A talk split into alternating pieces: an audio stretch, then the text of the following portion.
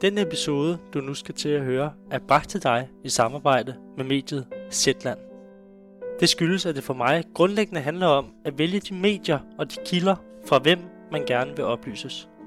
Zetland belyser nemlig sagen fra flere vinkler, nuancerer billedet og giver dig mulighed for at finde dit ståsted.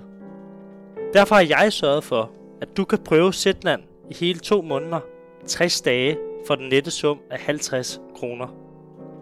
Du kan tilgå det tilbud via linket, der er tilknyttet denne episode.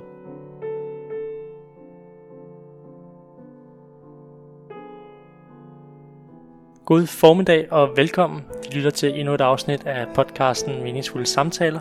Mit navn er Kasper Andersson. Jeg har fornøjelsen af at være deres vært. Min gæster og jeg befinder os for nuværende på Gamle Kongvej, liggende på Frederiksberg. Solen skinner, fuglene kvider, og overfor mig har jeg min gæst siddende, Sorine Godfredsen. Velkommen hertil. Tak skal du have. Tak fordi du har lyst til at være med. Det er en fornøjelse. Sorine er journalist, uddannet journalist. Hun er forfatter, sovnepræst, og så er hun også videre med at er samfundsdebattør. Og derfor så skal samtalen i dag også kredse om emner såsom tro og eksistens, foruden identitet og øh, skæbne. Og hvis vi starter ud i identiteten, hvad har så været med til at opbygge din karakter, den du er? Hvad definerer ligesom, hvem du er? Jeg tror meget basalt på, at det, der primært definerer os, det er noget, vi er født med. Jeg tror meget på, på den biologiske arv, så derfor så tror jeg, at mit væsen og min identitet er meget stærkt knyttet til min, til min slægt. Altså de mennesker, der er gået forud for mig, og som jo øh, så er øh, løbet ind i mine forældre, han har sagt, hvor jeg derfra har, har den største del af min kerne. Jeg tror, man skal passe meget på med at øh, lave en stor øh, psykologisk analyse af, at man er blevet formet af omstændigheder i livet, for det er man også, men jeg tror i høj grad, at vi er formet af en kerne, vi bærer med os. Noget man jo også kan se, når man bliver ældre, og det er rigtig mange mennesker, der erfarer, at man på besynderlig vis begynder at udvise nogle træk, som minder voldsomt meget om ens forældre, og som ikke har været så synlige tidligere i livet, fordi der er der, der, har man, der er man meget optaget af at forme sig selv. Når man holder op med i løbet af livet og kramagtigt at ville forme sig selv, så træder naturen mere frem, og så vil man opleve, at man bærer meget af sin forældres væsen med sig. Så det er den ene del af svaret. Min identitet er medfødt, og en del af min slægt. Og så er det klart, så er jeg vokset op i et hjem, hvor som har været øh, akademikere forældre, og sådan med mange bøger, meget diskussion, meget, meget stor bevidsthed om, at man skal forholde sig til sit samfund, man skal få sig en uddannelse, man skal gøre en indsats. Altså, at der er sådan en, øh, ja, der er klart været en forventning i mit liv om, at jeg skulle øh, øh, blive til noget. Ikke nødvendigvis noget stort og berømt, men altså øh, blive til noget, som gav mening, og ikke, ikke spilde tiden. Det her med at komme op om morgenen, bruge de lyse timer, og gøre nytte. det, det har i hvert fald præget mig meget, at det er, at det er min opgave at udfylde en plads. Det har jeg med hjemmefra. Okay, ja. Er der øjeblikke i dit liv, som har formet din karakter mere end andre? Har der ligesom været nogen, der har været definerende? Man vil altid møde mennesker i løbet af sit liv, som, som har været definerende. Jeg har øh, jeg blev ansat på det fri aktuelt, da jeg blev journalist, og øh, og fik der en chef på min redaktion, som har været med til at præge mig meget, fordi at han var simpelthen med til at lære mig at skrive, øh, og give mig rum til at følge min intuition og skrive det, jeg gerne ville. Så meget af min øh, selvtillid omkring det at skrive, og min øh, følelse af, at jeg kan mestre det, det, øh, det, det blev blandt andet sådan forstærket ved, at jeg mødte ham. Så på den måde, så er der bestemt mennesker, som, som kommer til at forme ens personlighed. Så er der nogle mennesker, jeg har læst i mit liv, som har formet mig meget. Øh, jeg har læst rigtig meget Søren Kierkegaard. Øh, det har formet mig meget. Øh, hvis man overhovedet falder for Kierkegaard, så vil man blive præget af det resten af sit liv, fordi han er jo denne helt geniale forkynder af liv og af kristendom og af øh, selvindsigt og fortvivlelse, angst, alle de store ting, han har skrevet om, og selvfølgelig tro på Gud. Så Søren Kierkegaard har formet mig rigtig meget. På den måde er der jo personer, som, øh, som selvfølgelig har med til at præge en, men, men jeg tror, at i det øjeblik, at, at jeg begyndte at forstå at jeg var et troende menneske, der øh, fra det øjeblik, eller fra den fase i mit liv, der er jeg, der kan jeg sådan se en bane, både bagud og frem efter, øh, hvor jeg kan se, at, at gudsforholdet og troen på kristendommen altid har været en rød tråd i min tilværelse, og at den i det øjeblik, man bliver bevidst om, at man faktisk tror på det, at det er sandt, jo bliver endnu stærkere, en endnu stærkere rød tråd i ens bevidsthed. Så kristendommen har jo også virkelig formet mig meget. Spillet en stor rolle. Men hvordan har den tro ligesom formet sig, som du har i dag? Hvad er det, der har formet den? Et menneskes tro formes af det, man hører, og det, man gør, og det, man læser. Der er altså, vi har nok en forestilling om i dag, at troen sådan skal komme til et menneske, sådan vupti, og så har man pludselig set lyset. Det sker for nogen, men det er de færreste. De fleste mennesker kommer til tro gennem en proces, hvor de lytter til noget og selv opsøger noget. Ligesom man skal øve sig for at blive god til at spille tennis eller løbe 100 meter, så skal man øve sig for at, at, at tro. Det er ikke bare noget, der kommer til en. Så det her med at, at gå i kirke, for eksempel, som er den helt indlysende måde at høre noget om kristendom på, har betydet meget for mig. Og så som sagt læsningen af Søren Kirkegaard og, øh, og andre øh, kloge mennesker. Og derfor, når, når du spørger, hvordan for, troen har formet sig, så kan jeg ikke svare på andre måder, end ved at sige, at den meget langsomt sådan øh, grundfester sig i, i ens sjæl. Og det gør den altså især, hvis man selv ønsker det, og selv opsøger øh, den inspiration og de ord og, og, og, og de steder, hvor troen lever. Øhm, så jeg kan kun opfordre folk, jeg møder jo mange folk som præster kommer og spørger, øh, jeg vil simpelthen så gerne tro, men jeg kan ikke. Hvad skal jeg gøre? Og det er fordi, ofte fordi, at de har en forestilling om, at enten så er den der, eller så er den der ikke. og sådan er det ikke med tro. Det er en, øh, både det er noget, som former sig og udvikler sig gennem hele livet, alt efter hvad man oplever og mister og tænker og gør. Og for det andet, så skal man som sagt selv være opsøgende, ligesom man skal med alt muligt andet, man gerne vil have ind i sit liv. Hvordan er man det? Hvordan er man, er, er man åben over for lidt mere religiøse spørgsmål i en verden, hvor kristendommen i Danmark måske ikke spiller den samme rolle, som den har gjort historisk? Jamen det er jo det store spørgsmål, og det er det, alle præster øh, overvejer fra morgen til aften. Hvordan, hvordan skal man egentlig forkynde i dag? Fordi vi taler jo ind i en, i en, en i et, til et menneske, som er blevet øh, oplært til i den moderne verden at stole på sin forstand, og stole på sin rationalitet, stole på naturvidenskab, stole på, at alt dybest set nok måske en dag kan forklares. Og stående over for sådan et menneske, der kan man jo øh, stampe nok så længe man vil i gulvet og sige, jamen Gud findes, og så vil han sige, at jeg kan ikke få det ind i min hjerne, at Gud skulle findes. Og det der er kunsten, når man skal forkynde til moderne mennesker, det er jo at prøve for det første at få dem til at forstå, at det her skal ikke begribes med hjernen. Vi overvurderer nogle gange hjernens betydning og tror, at alt skal filtreres igennem vores øh, forstand og fornuft for at give mening. Hvor man også må sige, at nogle gange skal du prøve at se dig selv som et væsen, der kan sanse sandhed på andre måder end gennem din forstand. Altså at man kan blive tiltalt direkte til hjertet, og man ikke nødvendigvis behøver at føre det op til hjernen og, og, og selv tjekke, om det nu holder. Fordi hvis det er vejen, så er der mange ting i vores liv, der vil falde i mm. den prøve. Altså så vil vi også begynde at overveje, hvad kærlighed egentlig er for noget. Kan den egentlig holde til, at jeg tænker den igennem? Og alle de her, alle de følelsesmæssige og sansemæssige øjeblikke, hvor vi bliver overmandet af livet på forskellige måder. Enten det er i naturen, eller ved at opleve noget kunst, eller ved at elske et andet menneske. Alle de øjeblikke, hvor det ikke er forstanden, der driver os. Der har vi jo en vis erfaring med bare at sige, det er sandt, selvom jeg ikke kan forklare det. Og selvom jeg ikke kan pille det fra hinanden i logik, så er det sandt, fordi jeg bare ved, det er sandt. Jeg, kan, jeg tror på, at det er sandt. Og den evne til at tro på noget, der e-, egentlig er irrationelt, den skal det moderne menneske lære igen at overføre på det religiøse. Men når man er opdraget til, som vi er i den vestlige verden, at religiøsiteten burde være et overstået kapitel. Det har man jo virkelig fået at vide, og i 70'erne, 60'erne, 70'erne og 80'erne var der rigtig mange, der var sikre på, sådan går det. Religiøsiteten uddør, kirkerne lukker. Nu har vi opdaget, det gør de ikke. Men når vi er opdraget med den grundtænkning, at religiøsiteten vil blive tilbagelagt, så skal der meget til for et menneske at sige til sig selv, det er simpelthen ikke rigtigt for mig. Religiøsiteten er der stadigvæk.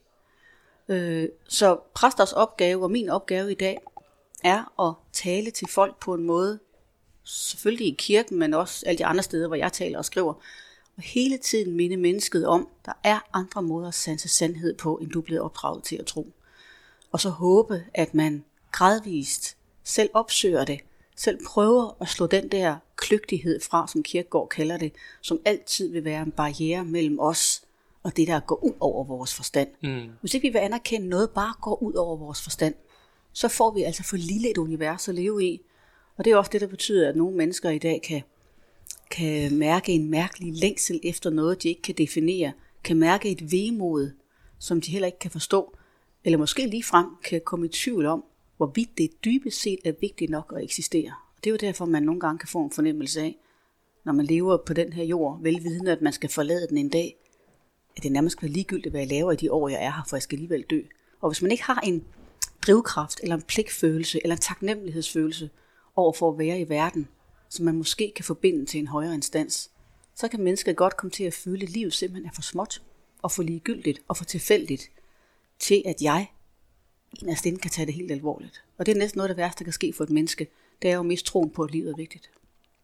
Hvad betyder det for et menneske selv at skulle finde alle de her større eksistentielle svar inden i sig selv, i modsætning til at have religionen, have kirken, som noget, der går ud over ens forstand, noget, der er større end en selv? Jeg tror, det, det medfører en vis skuffelse, fordi det er, det er meget svært at hale stor visdom ud af sig selv, fordi så vist er mennesket simpelthen ikke. Slet ikke, når man er ung. Det må du ikke tage personligt, men slet ikke, når man øh, i en eller anden grad mangler livserfaring så kan man jo ikke forvente, at mennesket kan hale meningen ud af sig selv. Det er, det er helt basalt en meget, meget stor misforståelse, som vi desværre har fået øh, sat lidt op på en pedestal i vores moderne tid, at individet bærer sandheden med sig. Det er også en, en tanke, der jo har præget folkeskolen i mange årtier, at man skal bare hjælpe mennesket til at forstå det, man allerede bærer på, frem for at proppe viden ind i det udefra. Og det har jo fået relativt katastrofale følger, også i mit eget liv, fordi jeg har lært alt for det i folkeskolen. Men, men øhm, jeg tror, at det, at det medfører en, først en skuffelse, som sagt, og så tror jeg også, det kan medføre sorg og desperation, altså ensomhed, øh, når man er, erkender, at, at der simpelthen ikke er nok at komme efter ind i mig. Og når man så ikke har lært eller fået at vide, at i virkeligheden så findes livets, en stor del af livets mening jo i det, man opdager, når man kigger væk fra sig selv, og mm. måske handler væk fra sig selv, gør noget for andre, alt det der, som de fleste godt kan ramme sig af sig som en eller anden form for sandhed, men som vi måske har glemt at udføre i praksis, fordi vi er blevet så, øh, så utrolig meget præget til at tro, at det er den indadvendte bevægelse, der fører til hvile og fred og sandhed og glæde og lykke. Og der er nogle, der er nogle helt modbydelige træk ved den her tænkning, der hedder, at et menneske skal prøve eller skal stræbe efter at være autentisk, tro mod sig selv, realisere sig selv, alle de der formuleringer, som vi alle sammen er vokset op med, fordi mange mennesker vil erkende, at de dybest set ikke ved, hvad der er autentisk mig. Hvor skal man vide det fra? Det er ikke, der er ikke nogen opskrift, der er ikke noget enderesultat. Der er ikke sådan noget facit i forhold til, hvem jeg er. Man er hele tiden det, man gør, det man lærer, det man erfarer, det man mister. Man er hele tiden i færd med at blive det næste. Så derfor så, og, derfor så er det meget grusomt at sige til et ung menneske, nu skal du gå ud og være dig. Fordi man ved ikke, hvem man er. Det er jo noget, der virkelig bliver skabt i samspil med andre mennesker. Hvordan bliver man ligesom bedre til at blive dannet i lidt mere eksistentiel forstand, hvor man forstår, hvem man er, og man evner at øh, relatere sig både til andre mennesker, og også til den plads, man nogle gange er blevet tildelt i historien?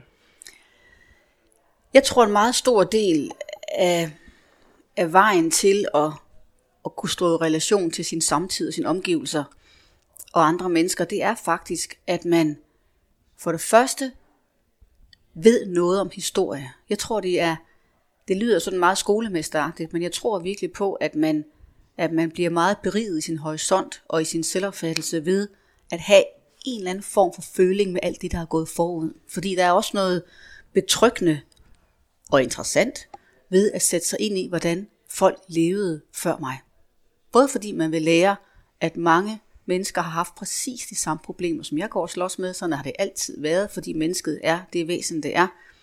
Og fordi man måske også kommer til at føle en, en grad af ansvar eller fascination ved at indgå i den her række af mennesker, som har været her altid, og komme lidt væk fra følelsen af, at det er bare isoleret mig, der er dumpet tilfældigt ned i verden. Nej, jeg indgår i en meget stor sammenhæng, og noget af det, der kan give mit, li- mit liv mening nu, det er simpelthen at gøre, hvad jeg kan for, at sammenhængen kan blive ved.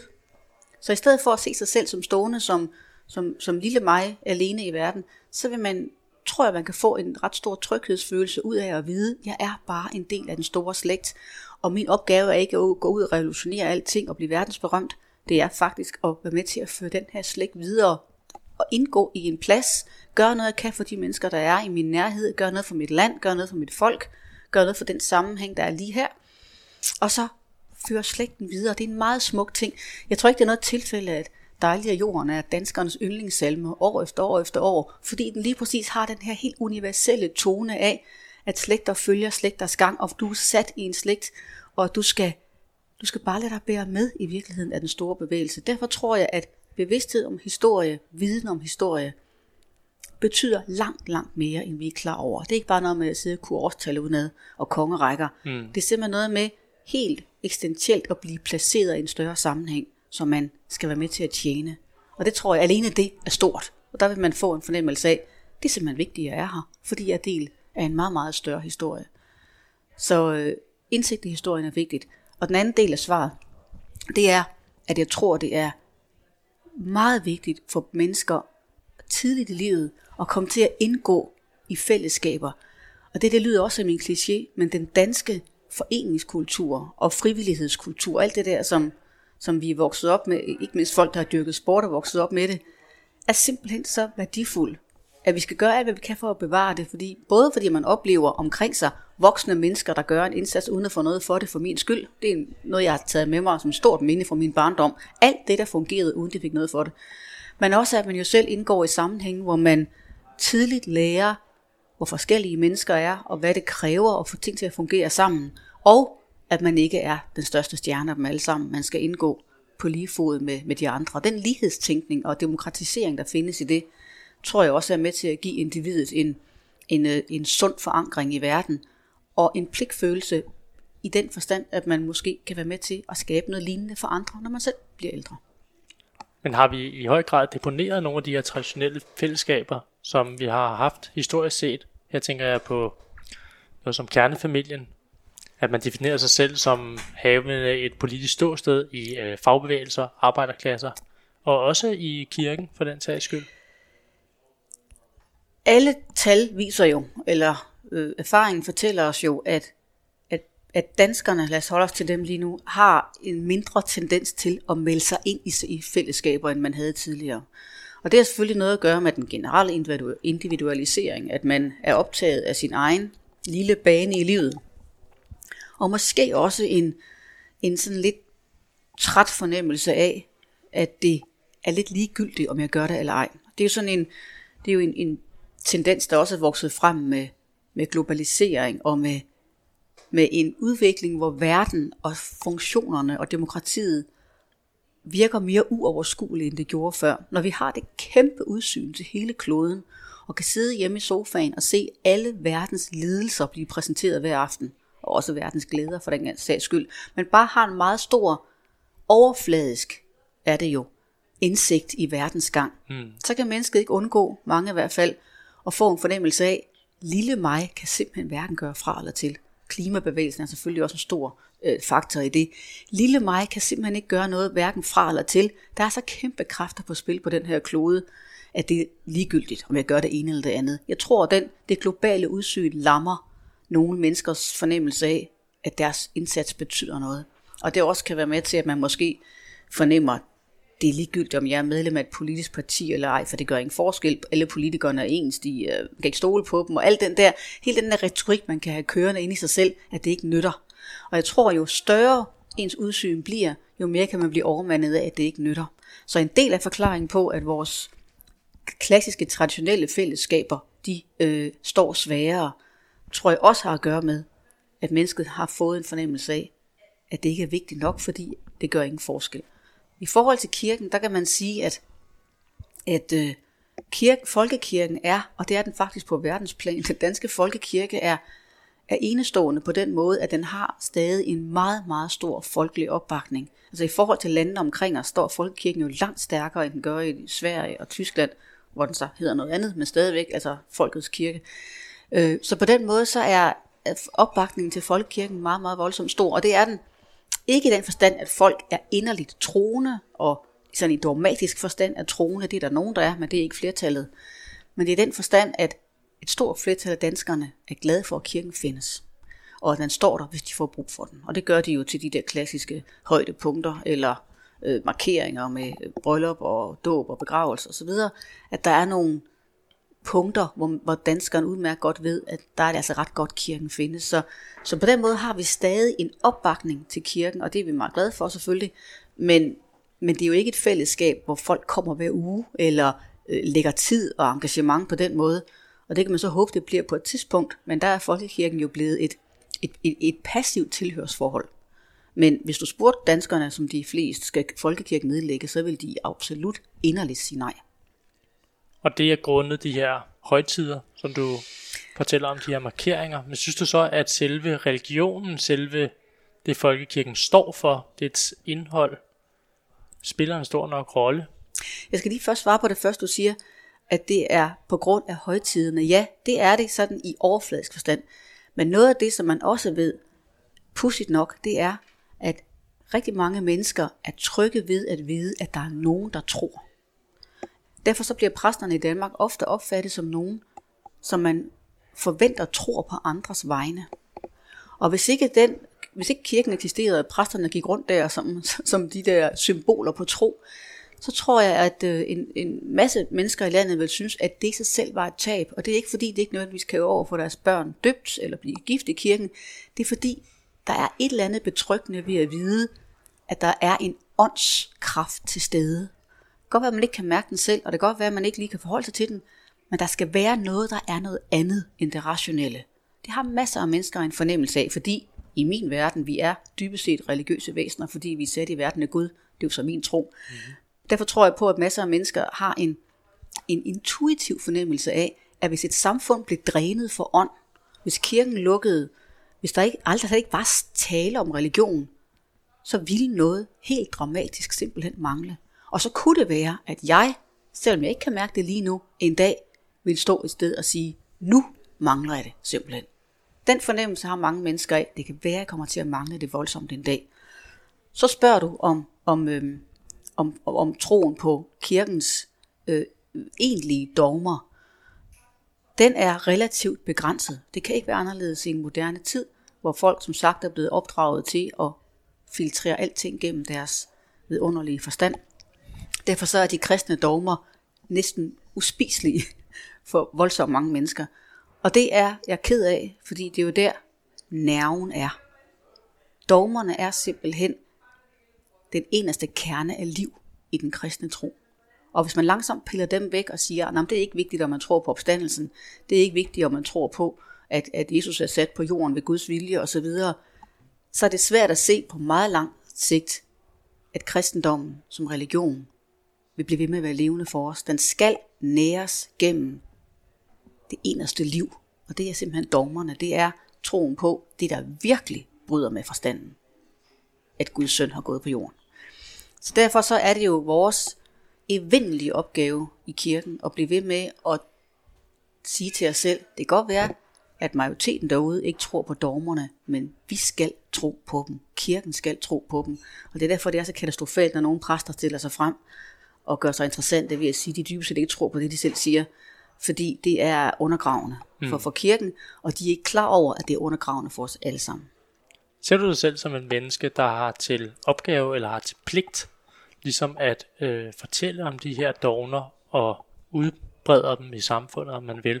Oplyse.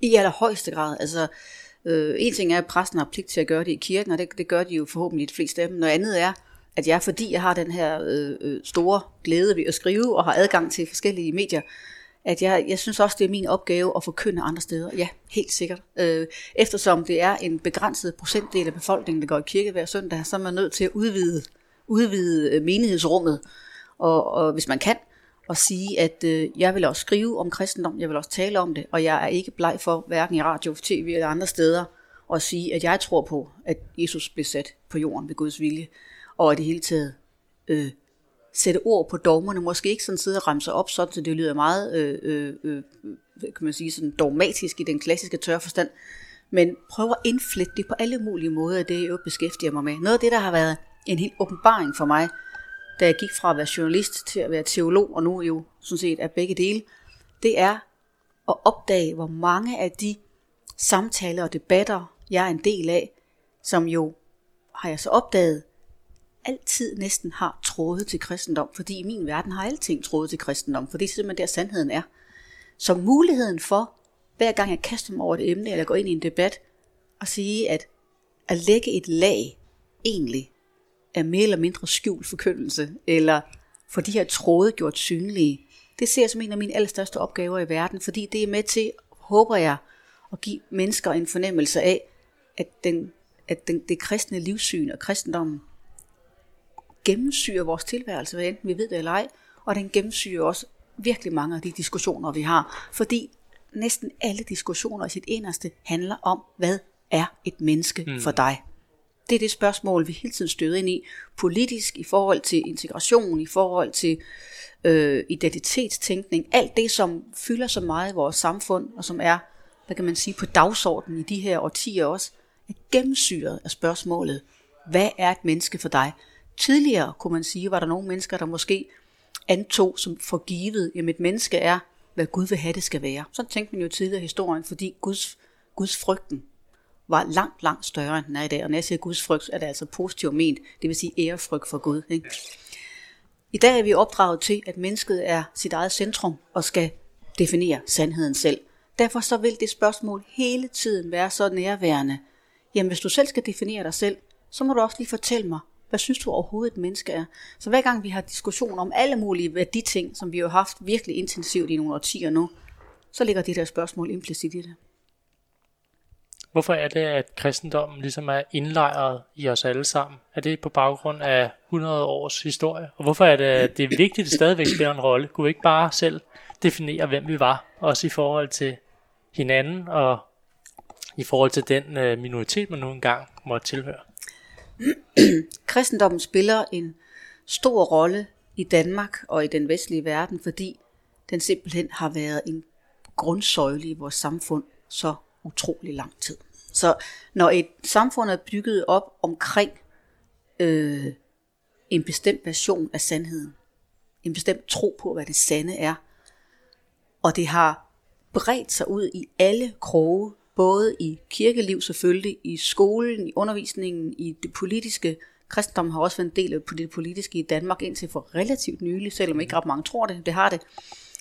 Når, øh, når, når det har været en del af alle lag i samfundet på den måde, som det har i øh, tusind år, så er det klart, at det gennemsyrer vores slægt og vores generationer, vores sprog, vores livsopfattelse, vores traditioner, vores alting det, er så, det ligger så dybt i os, at der vil gå lang, lang, lang, lang, lang tid, før det er forsvundet, hvis det forsvinder.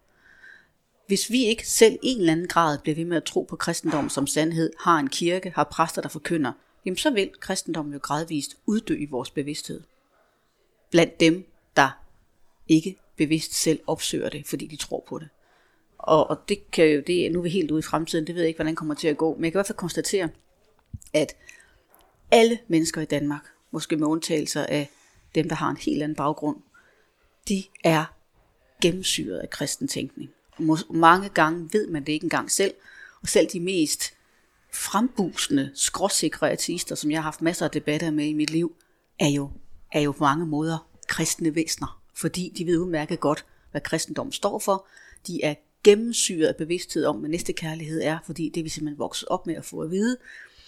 Og hele fortællingen om Jesus, der kommer til verden, offrer sig for menneskenes skyld, og udlever kærligheden ved den, en, hver eneste gerning, han gør. Hele den her idé om, at der er en, der offrer sig, så at andre kan leve, Det er en grundsætning, som gennemsyrer i en kristen kultur, øh, og som går igen i film og sange og teaterstykker, og det, vi er pakket ind i det. Så på den måde, så er, er det jo forklaring på, at kristendommen betyder så meget. Og så spørger du mig, kan vi ikke bare definere os selv og finde vores egen identitet? Det er jo det forsøg, vi er ude i. Det er i høj grad det, der foregår nu. Det må man sige. Hele vores individtænkning, som har været århundreder øh, om at nå frem til, den er i dag, og som faktisk også grunder i kristendom, fordi kristendommen er også en individtænkning. Men hele den udvikling, der er sket i de seneste 500-600 år i Europa, med filosofien, naturvidenskaben, oplysningstiden i Frankrig, og dyrkelsen af fornuft og dyrkelsen af individet som frisat fra dogmerne, er nu i de her år ved virkelig at galopere afsted. For når vi taler om identitetstænkning og menneskets forsøg på nærmest at forme sig selv ved for eksempel at sige det, som nok er det mest ultimative, der bliver sagt i de her år, nemlig at kønnet er en konstruktion. Det er den mest ultimative formulering i forhold til at forme sig selv og afskaffe skabelsen nærmest og sige, jeg er det, jeg føler, jeg er. Mm. Det er sådan en slags øh, øh, individets overdrev, hvis du spørger mig. Og når vi står der, så er jeg slet ikke i tvivl om, at det er en bevægelse, som vil trække en masse ofre med sit kølvand, fordi at få at vide, du er sådan set bare det, du føler, du er. Det er en meget, meget stor byrde at lægge på et menneske. Nogen vil, hvis de er meget stærke, har stor selvbevidsthed, har stor indsigt i, hvordan de, hvad de egentlig føler, vil måske boldre sig som frie individer, der den ene dag kalder sig det ene, og den næste dag det andet. En masse andre, der prøver at følge med i den bevægelse, vil lide skibbrud undervejs, fordi de må erkende, jamen jeg ved dybest set ikke, hvad jeg føler. Jeg kan ikke, jeg kan ikke forme mig selv hver morgen på den måde, som de næsten påstår, man skal. Så det vil, ikke, det vil være, det er en individtænkning, som hylder det stærke menneske. Den siger det stik modsatte, men sagen er, at den hylder det stærke menneske, som har så meget hold på sig selv, at man kan sætte ord på sig selv. Der er masser af mennesker, der ikke kan sætte ord på sig selv, og de bliver tabere i det her individræs, hvor der er så meget status forbundet med at mærke efter og selv føle sig frem til, hvad jeg skal kaldes. Masser af mennesker vil ikke kunne leve op til det. Så når du spørger mig, kan vi ikke bare definere vores egen identitet, så vil jeg sige, langt de fleste kan ikke. Så jeg tror, det er en stor illusion at dyrke den her mentalitet med, at det er, at det er fremtidens menneske, som, som konstruerer sig selv hen ad vejen. Jeg tror ikke på det. Og det, det, det står jo fuldstændig i modstrid til det kristne livssyn, som jo er, at din vigtigste identitet, den er givet fra skabelsens side, enten som mand eller kvinde, jeg tror meget på de to køn og ikke flere. Selvfølgelig, parentes omkring, at der er mennesker, som er transpersoner. Der er mennesker, som ikke føler sig hjemme i deres krop. Alt det er vi med på, men det er virkelig en minoritet. Og sagen er jo, at vi trods alt fødes med enten en mandlig krop eller en kvindelig krop. I min verden er der to køn fra skabelsens side. Og den bevægelse, vi ser i dag, er jo et af de største frontale angreb mod det kristne menneskesyn, som vi har haft meget længe, fordi man faktisk vil gøre op med selve skabelsen, og dermed med den identitet, som mennesket har fra allerførste færd. Mm. Jeg spurgte engang Søren Kraup, som jeg har stor respekt for for mange år siden, da jeg var journalist, ja. om hvordan han ville definere øh, denne her generationsidentitet. Og der kunne han jo næsten ikke holde op med at grine, fordi det er for ham et latterligt poppet spørgsmål, fordi mennesket har en identitet. Den skifter ikke sådan fra generation til generation. Det er ikke noget, vi sådan føler os frem til. Det er ikke noget, vi definerer forfra. Mennesket har en identitet, fordi det er sat i verden af Gud. Og det er den vigtigste identitet, vi har. Og hvis man var lidt mere opmærksom på at holde fast i den tilgang til verden, så ville man måske også bedre forstå, at det er farligt, som du nævnte før, at sige, min identitet, den vigtigste identitet, jeg har, er den, jeg har sammen med en minoritet. Mm. Sammen med dem, som har lige nøjagtigt de særlige kendetegn, jeg har, som har de problemer, jeg har, som føler sig forfulgt på samme måde, som jeg gør.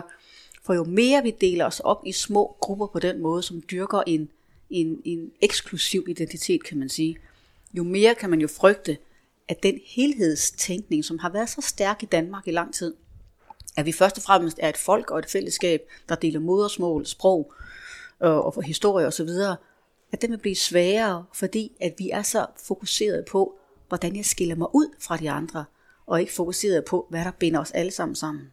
Og den kristne identitet, troen på, at vi er sat i verden af Gud som fuldkommen ligeværdige væsener, der er sat her for at passe på hinanden, den er for mig langt vigtigere end at gå rundt og, øh, og dyrke det, der adskiller os. Og så vil nogen selvfølgelig sige, at det kan du sagtens sige, fordi der er ikke nogen, der forfølger dig, og du er ikke del af en seksuel minoritet eller en anden slags. Og så vil jeg sige, at det er rigtigt, og jeg skal ikke blive for smart. Jeg vil udmærke godt, at der er folk, der, der har problemer, og som har brug for at holde sammen og kæmpe for deres rettigheder. Og det synes jeg også, de skal gøre. Men hver gang man gør det, hver gang man skaber en, en, en front mod majoriteten, mod helheden, mod traditionen, skal man bare altid huske, at når man overspiller sin rolle, som jeg synes, nogle minoriteter gør i dag, så kan det altså på lang sigt komme til at skade vores tillid til hinanden, vores følelse af trods alt at tilhøre det samme fællesskab, og dermed også den på mange måder virkelig trygge tilværelse, vi kan leve i Danmark. Hvorfor er det vigtigt, at man har en fornemmelse af, at man tilhører det samme fællesskab, har en homogen kulturel tænkning, og at man altså ikke blot kan deponere alle de centrale fælles ståsteder, man nogle gange måtte have i livet. Hvorfor er det vigtigt? For det første tror jeg, det er vigtigt, som jeg var inde på før, fordi at øh, det der med at kunne se tilbage i historien og se en helhed omkring sig, og se, at vi mennesker har hørt sammen her meget længe.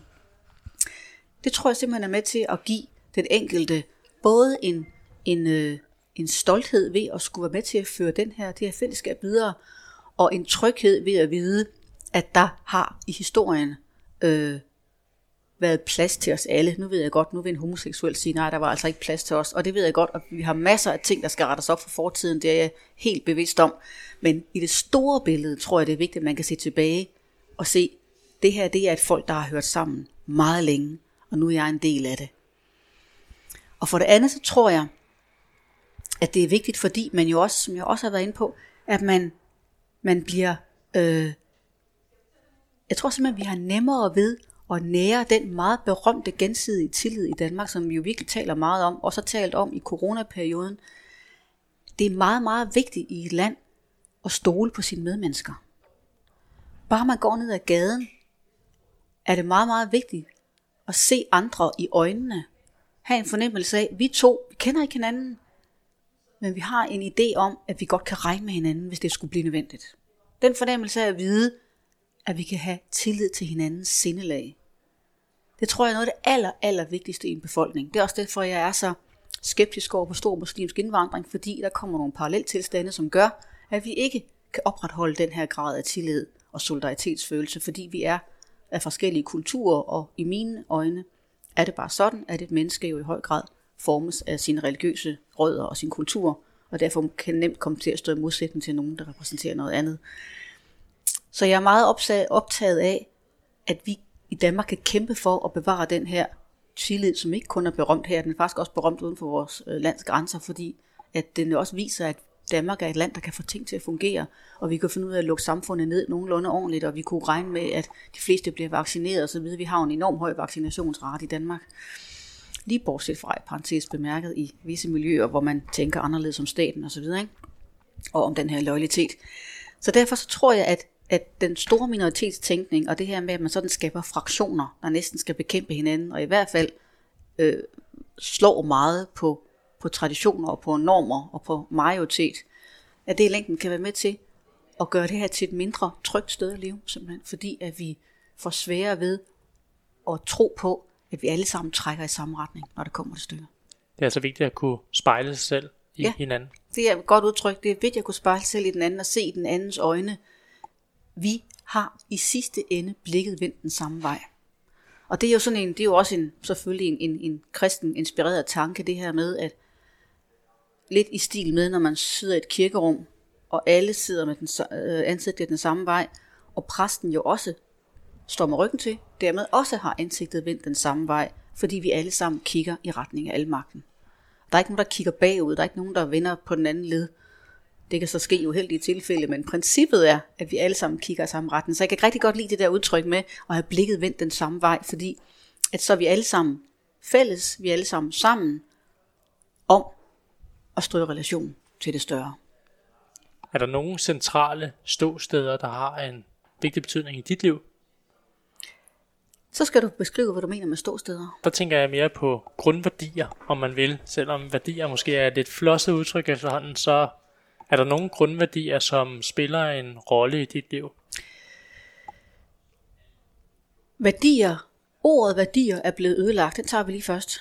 Og det er i høj grad sket inden, faktisk inden for nyere tid, hvor og meget i relation til, til de her forskellige terrorangreb, der har været i den vestlige verden, hvor, hvor vestlige politikere har gentaget til bevidstløshed, at vi skal værne om vores værdier, men meget, meget få af dem har kunne forklare, hvad de værdier er.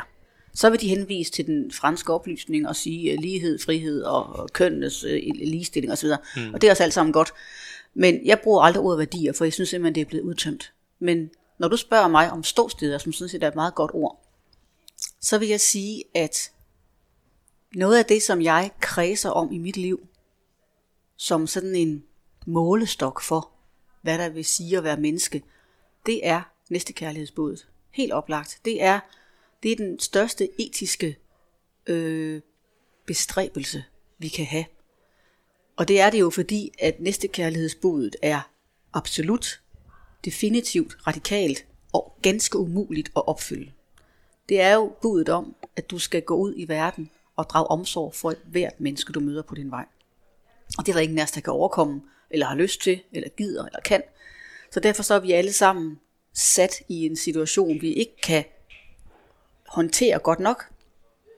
Så ingen af os kommer i mål, hvilket også er sundt at huske os selv på. Ingen af os er gode nok. Men vi kan alle sammen gøre den indsats, som vi er i stand til. Og næste kærlighedsbuddet er altid med til at holde mig på plads. Og jeg siger ikke, at jeg øh, lykkes med det. Men jeg ved, jeg er bevidst om, hvad min rolle i verden er. Jeg er bevidst om min begrænsning. Og jeg er bevidst om hver eneste dag, når jeg fejler. Og det er sundt for mennesket hele tiden at blive mindet om sin begrænsning. For så ved man for det første, at man ikke er perfekt, og man aldrig bliver det. Det er også vigtigt at blive mindet om i disse tider, hvor, hvor nogen tror, at det er et mål at blive perfekt. Og så minder det mig også om, og nu bliver det en smule dogmatisk, så minder det også om, at jeg er et syndigt menneske, og jeg skylder hele tiden mine medmennesker mere, end jeg giver. Og hvis man lever med en bevidsthed om, at jeg skylder altid mere væk, end jeg har krav på, så er der et håb om, at man kan leve i nogenlunde sådan selvbehersket tilstand, hvor man ikke kræver, tillader sig for meget, træder på andre mennesker, bliver udholdelig eller usympatisk at være sammen med, og det hele taget holder sin natur i ave. Det er jo sådan en, en helt basal opgave for os alle sammen, at holde styr på vores instinkter og drifter og selviske intentioner. Og det er næste kærlighedsbuddet altså i min verden den bedste garant for, både fordi det er formuleret så, så simpelt og absolut, at du skal elske din næste som dig selv, og fordi at jeg jo tror på, at det er givet af Gud, så der er ikke noget at diskutere. Det er simpelthen en fordring, jeg skal prøve at efterleve. Stræber det senmoderne menneske efter at komme i mål i hele den her selvrealiseringsproces og den her meget øh, indflydelse, som selvrealisering spiller i det senmoderne menneske? Spiller det så efter at blive perfekt, efter at komme i mål? Det er et helt centralt spørgsmål, det der. Ja, er mit svar. Det moderne menneske har en eller anden forvrænget forestilling om, at man kan komme i mål. Og det, er både, det gælder både med, med hele perfekthedstænkningen med, at man jo skal være den bedste udgave af sig selv, altså hele tiden præstere det ultimative. Det er jo en forestilling om, at hver gang jeg gør en gerning, eller øh, øh, beslutter mig for noget, så skal det lykkes ultimativt. Og det er jo en, en eller anden form for idé om at komme i mål. Det gælder også i vores retorik, hvis du lytter til til for eksempel LGTB-bevægelsen og hele de her, alle den talsmændene for den her bevægelse, så vil de ofte sige, vi er ikke tilfredse før vi er i mål. Og så vil man spørge sig selv, jamen hvad vil det sige at komme i mål? I forestiller jeg vel ikke en verden, hvor ingen bliver krænket, eller hvor der ikke findes mennesker, der slår hinanden oven i hovedet, fordi de synes, at der er en, der ser dum ud. Vi lever i en menneskeverden, og mennesket er, som sagt, yderst fejlbarligt og begrænset, og til tider ubehageligt. Derfor kommer man aldrig i mål. Og, og hele det, det gennemsyrer vores sprog, tanken om at komme i mål, og når ting gennemsyrer sproget, så kommer det også gradvist til at gennemsyre individerne, fordi sprog skaber rigtig meget virkelighed. Mm. Og at øh, tanken om, at der er en mulighed bare for at blive perfekt, en mulighed for ikke at fejle, eller en mulighed for at, at nå hen i sådan en ideal tilstand, den tror jeg virkelig martrer mange mennesker. Så jeg, jeg næsten tillader mig at sige til dig, det spørgsmål, du stiller, kunne jeg finde på at skrive en kronik om i næste uge. For det er simpelthen lige præcis en stor del af det moderne individs mareridt, uden det måske selv ved det, at det inderst inde, mere eller mindre ubevidst, har en forestilling om, at det skal, det skal nå i mål. Spændende. Hvornår føler du dig egentlig mest tro mod, hvem du er som person? Når jeg er i kirke. Helt klart, jeg føler mig mest tro mod mig selv, selvom det er en forfærdelig moderne floske, men nu tager, nu tager vi den lige. Jeg føler mig mest tro mod mig selv, når jeg er et sted, hvor det handler om alt andet end mig selv. Og det gør det i kirkerummet. Når jeg står ved alderet og selv har en gudstjeneste, og ved, herinde er det helt andre kræfter end mine, der er på spil. Og, og jeg er bare en lille bitte brik i det her.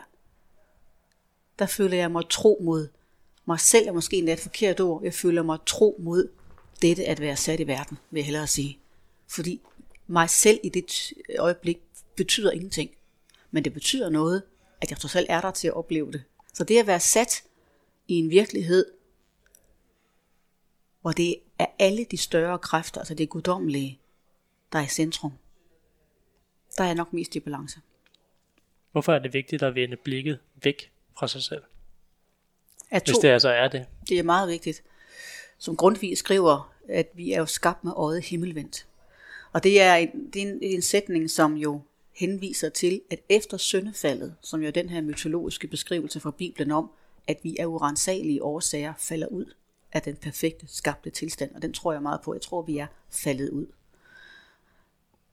Efter syndefaldet, så får mennesket evnen til at rette blikket indad. Vi var egentlig skabt med øjet himmelvendt, men efter faldet vender vi blikket indad. Dermed, derfor kan Adam og Eva jo efter faldet i mytologien straks opdage, at de er nøgne. Før vidste de, ikke, for de havde ikke noget blik på sig selv. Men i det, de falder og er ulydige mod Gud, så kan de pludselig se, at de er nøgne, og de bliver forfængelige, de dækker sig til, og de får hele den der nervøse omgang med sig selv, som vi så har haft lige siden. Ikke? Så det er meget, meget vigtigt at kunne vende blikket udad, eller løfte blikket, som jeg også selv har skrevet en bog om. Øhm, både fordi, at det letter din egen gang på jorden. Der er altså ikke noget mere udmavn end at gå og jagtage dig selv og mærke efter hele tiden. Det er en, det er en helvedes tilstand at tro, at man bliver, øh, at både tro, at det er et ideal, og analysere sig selv hele tiden, og forestille sig, at man når frem til noget specielt brugbart, kommer i mål, som vi var inde på før. Hmm. Hele den terapeutiske, moderne idé om, at mennesket skal kortlægge sig selv, forstå sin barndom, forstå alle de små brikker i puslespillet, er på nogle punkter selvfølgelig, ved jeg godt, det kan hjælpe folk, men i overdreven grad tror jeg, det er med til at gøre folk hysterisk optaget af deres eget sinde, liv og sjæleliv. Øh, og det er meget udmattende. Den anden grund til, at du skal vende blikket udad, er selvfølgelig i næste kærlighedens ånd, at du skal have blik for, hvordan dine medmennesker har det.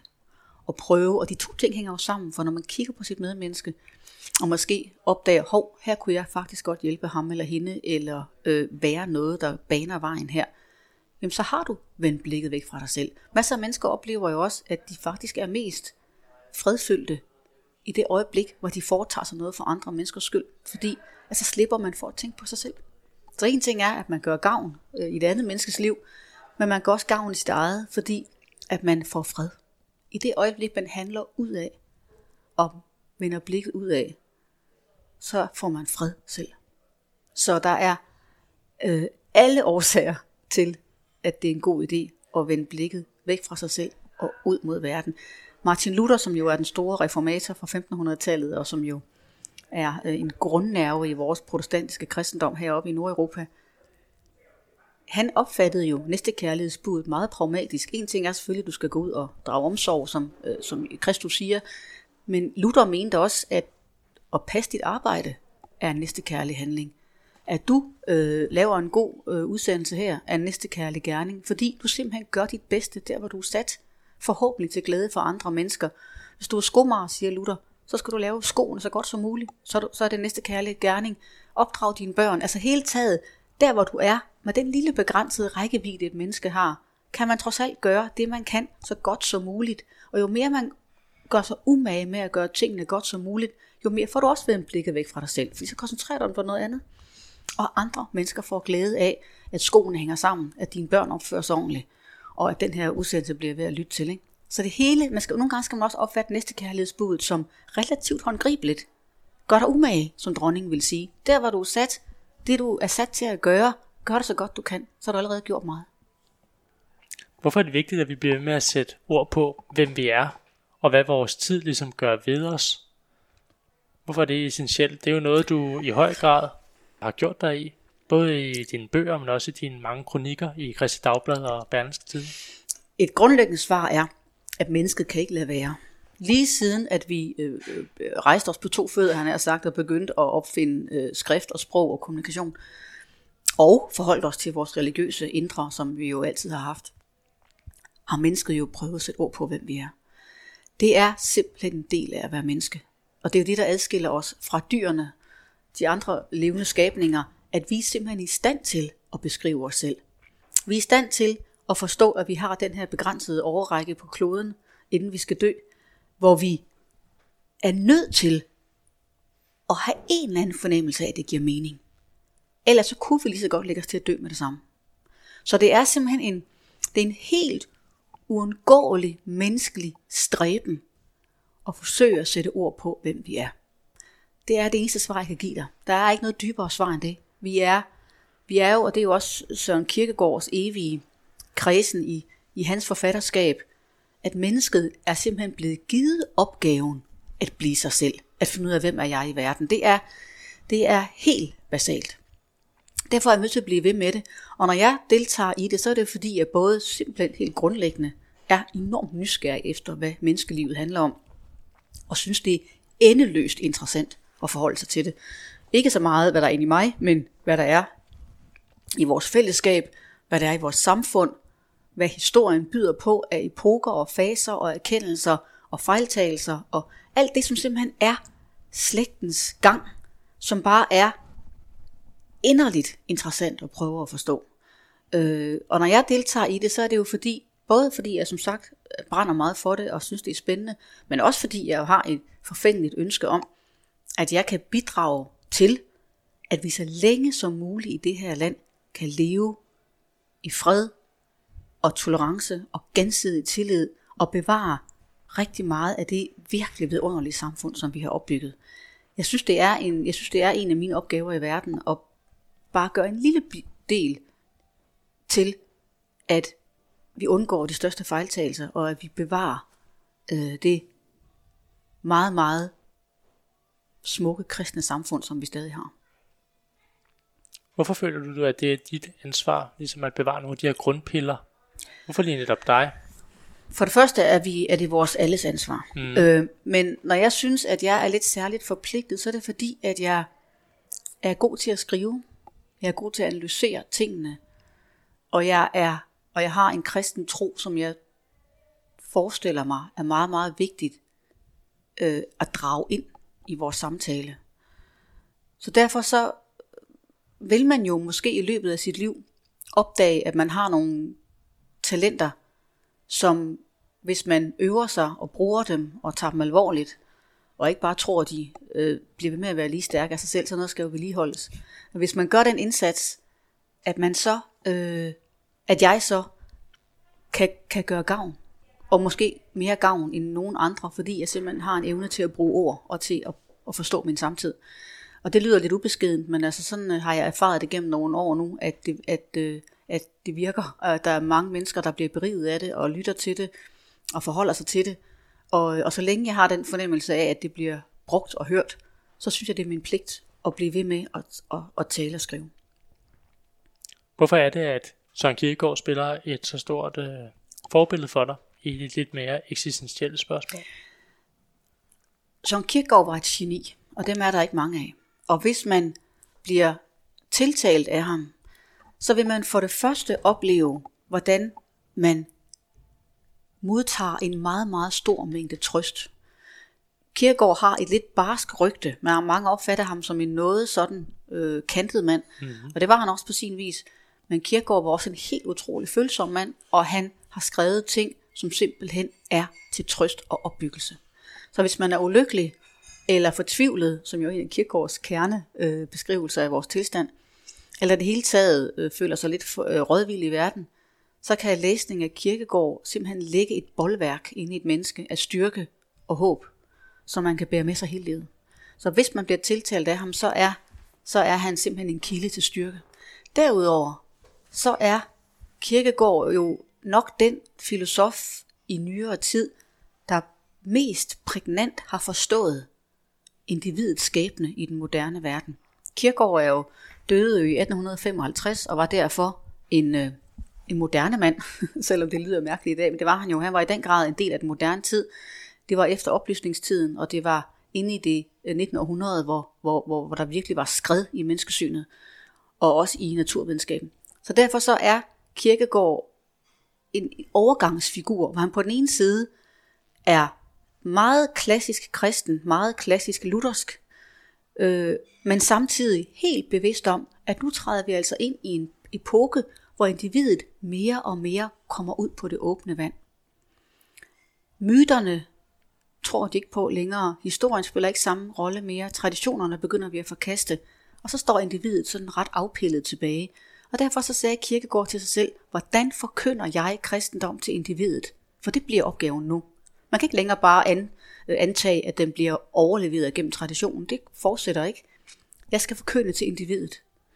Og derfor så er det jo, at han blander psykologi, sin dybe indsigt i, at vi lever i angst og fortvivlelse, fordi vi er sat her på den her mærkelige jord som læme, og samtidig har en, en mærkelig ubevidst viden om, at vi også står i relation til evigheden. I den position, som Kierkegaard kalder en syntese af to modsætninger, der skal lære at leve sammen, skal der forkyndes kristendom. Og det var det, han jo sådan set sat sig for at gøre. Derfor så skal Kirkegård være et forbillede for alle præster i dag. For han er simpelthen den, der har taget nogle helt, helt afgørende skridt i forholdet til at blande psykologisk indsigt med øh, viden om den moderne, mere og mere globale, kaotiske verden, og så den helt tidløse kristendom, der skal beskrives til det her menneske, der hvor mennesket nu er. Ikke hvor vi ville ønske det var, men hvor det er. Derfor er Kirkegård et kolossalt stort forbillede. Og så er han jo den, der, der, øh, der, tillod, øh, der tillod sig at se sig selv som en undtagelse fra normen. Og når man er et geni, så må man godt. Så har man lov til at sige, jeg er ikke som de andre. Mit liv skal bruges til at skrive og tale til min samtid. Det var Kierkegaard meget tidligt i sit liv klar over, at han var et geni. Og så må man godt melde sig ud. Han er en påmindelse om, at alle vi andre mindre ånder, som går rundt og tror, at vi er meget interessante, mm-hmm. eller melder os ind i en minoritet og synes, vi er de vigtigste mennesker i verden, vi skal læse kirkegård og blive mindet om, den der martyrrolle må du kun påtage dig, hvis du er klog nok til det. Og det var han. Jeg synes, det har været en meget, meget berigende samtale. Og her på faldrebet vil jeg gerne spørge dig til råds om et livsråd til øh, dit eget 23-årige jeg, eller måske til min generation. Hvis jeg kunne tale til mit eget 23 år jeg, ja. så vil jeg sige, Sorina, det kan godt være, du overhovedet ikke gider høre efter. Og det kan godt være, at du på dit studie laver alt for let, fordi du har en fornemmelse af, det der får jeg aldrig brug for. Jeg er så skarp, og jeg er så speciel, at jeg finder min egen vej. Det passer ikke.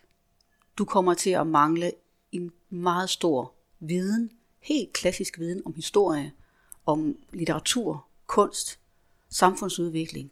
Alt det, som er så vigtigt for et menneske at vide noget om.